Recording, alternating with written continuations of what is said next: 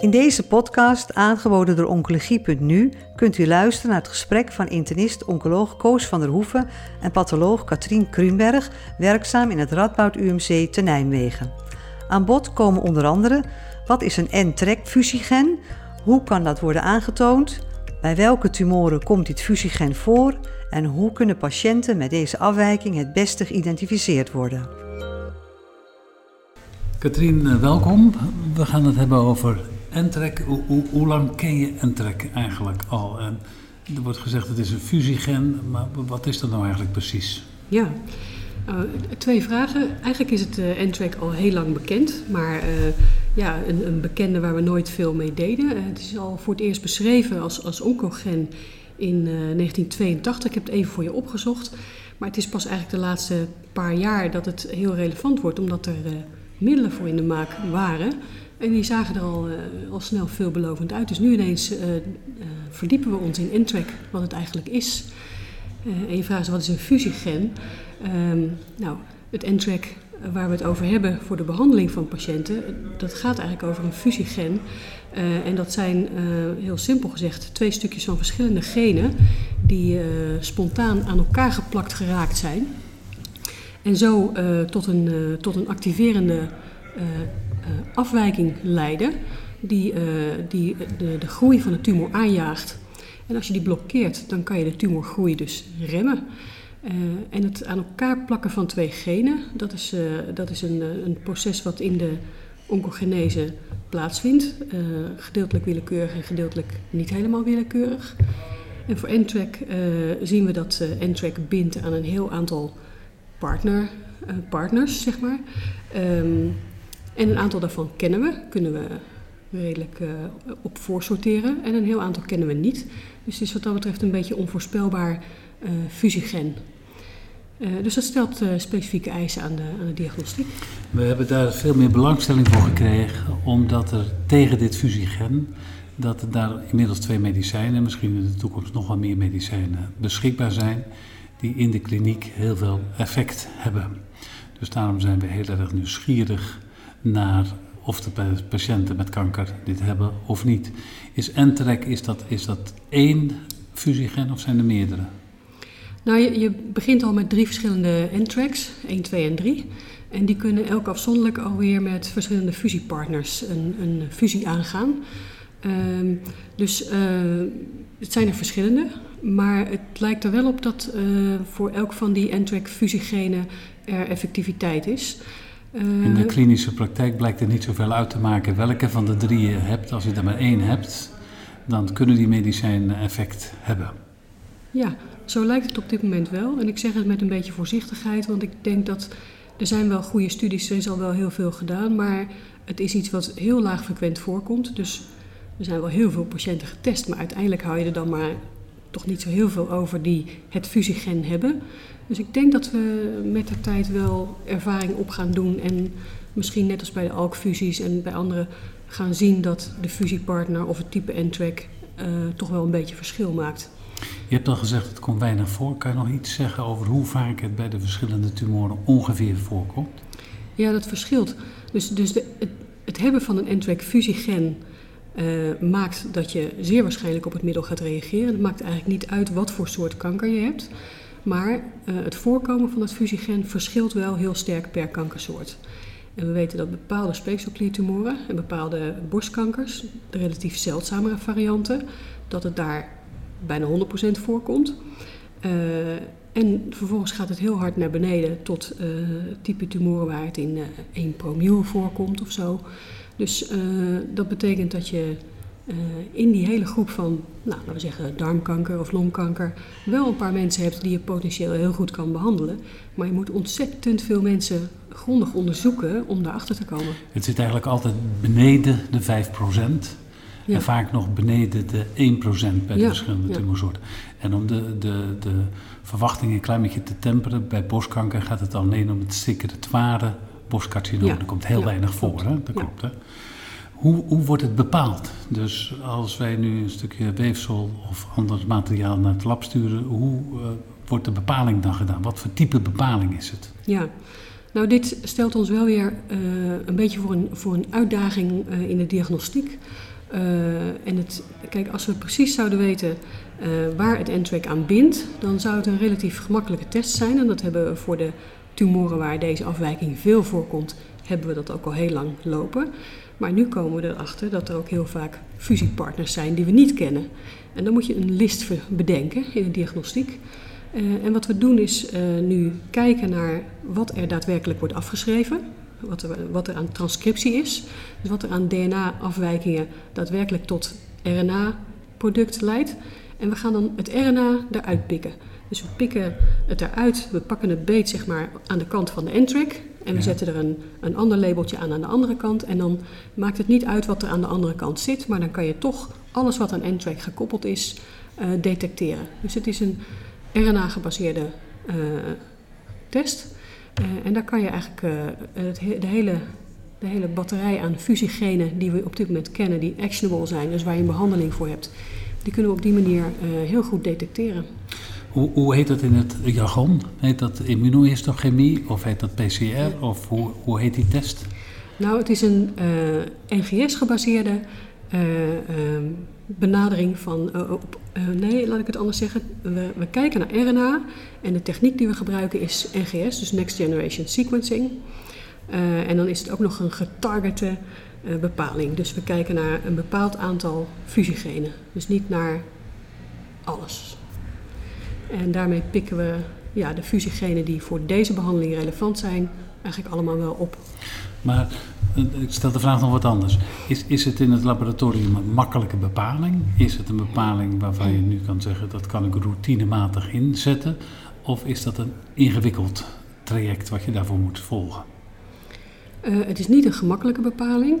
Uh, het, is, het, vraagt wel degelijk uh, specifieke expertise. Het kan op dit moment ook niet op alle plekken, wel in academische centra.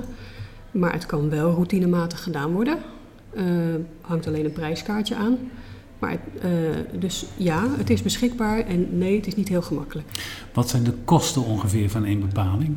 Dus als ik voor één patiënt ja. wil weten of die NTRAC heeft, wat zijn de kosten daar ongeveer van op dit moment? Ik denk dat uh, de centra die het nu hebben lopen, dat eigenlijk nog aan het uitonderhandelen zijn. Uh, als je uh, toch even kijkt naar de directe kosten die je maakt, nog afgezien van de implementatiekosten en de innovatiestappen die daarbij zitten. En de stappen die je maakt om het proces op te schalen, wat ook hoort bij het implementeren van diagnostiek.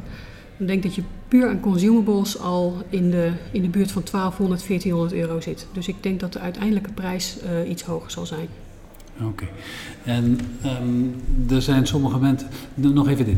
Um, verandert het in de loop van het leven van de tumor? Dus maakt het uit op welk, in welk stadium van de ziekte je de bepaling doet? Of is het zo dat als het bij de primaire presentatie aanwezig is, dat het dan zeg maar tot aan het overlijden of tot aan de genezing van de patiënt ja. aanwezig bleef?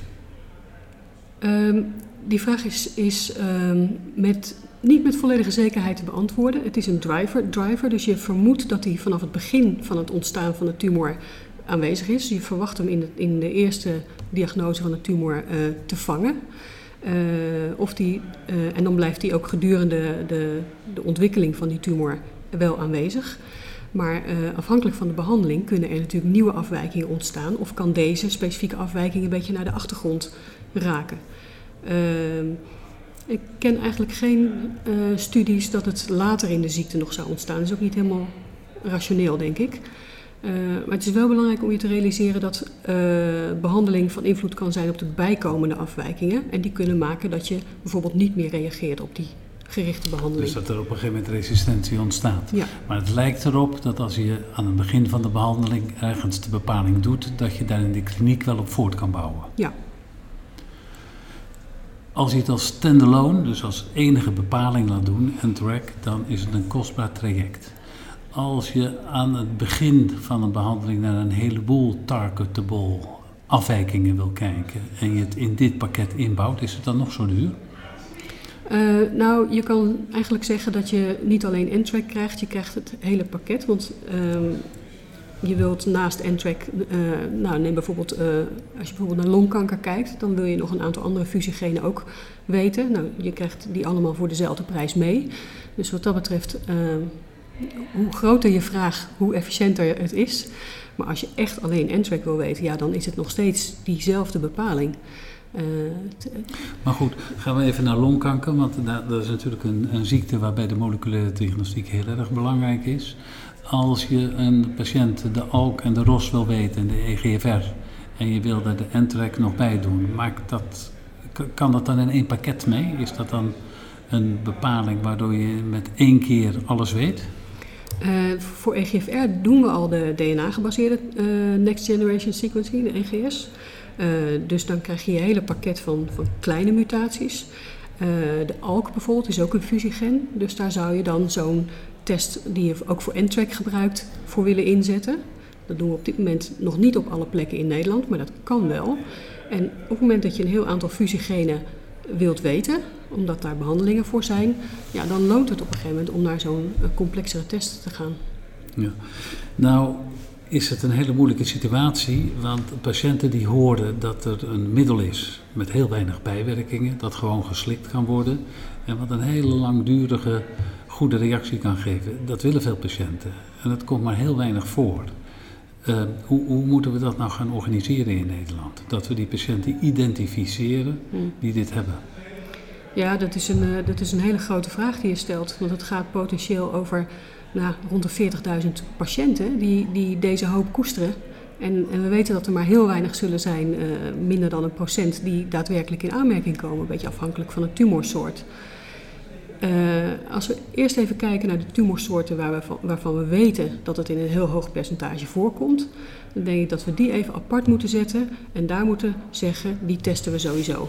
Want maar daar kan je gaat om de patiënten met een, eh, met een, uh, met een speekselkliertumor en ja. een secretoire uh, borstkanker en misschien schildklierkanker. Bepaalde kindertumoren. Kindertumoren, ja. maar dat, dat is maar een heel klein aantal. Dat is een klein aantal en dan hou je dus een hele grote groep over de grootste groep die, uh, ja, die dus die hoop kan hebben, maar waar we er maar heel weinig van gaan vinden. En ja, dan doet zich in Nederland wel de vraag voor hoe gaan we die, die diagnostiek goed organiseren.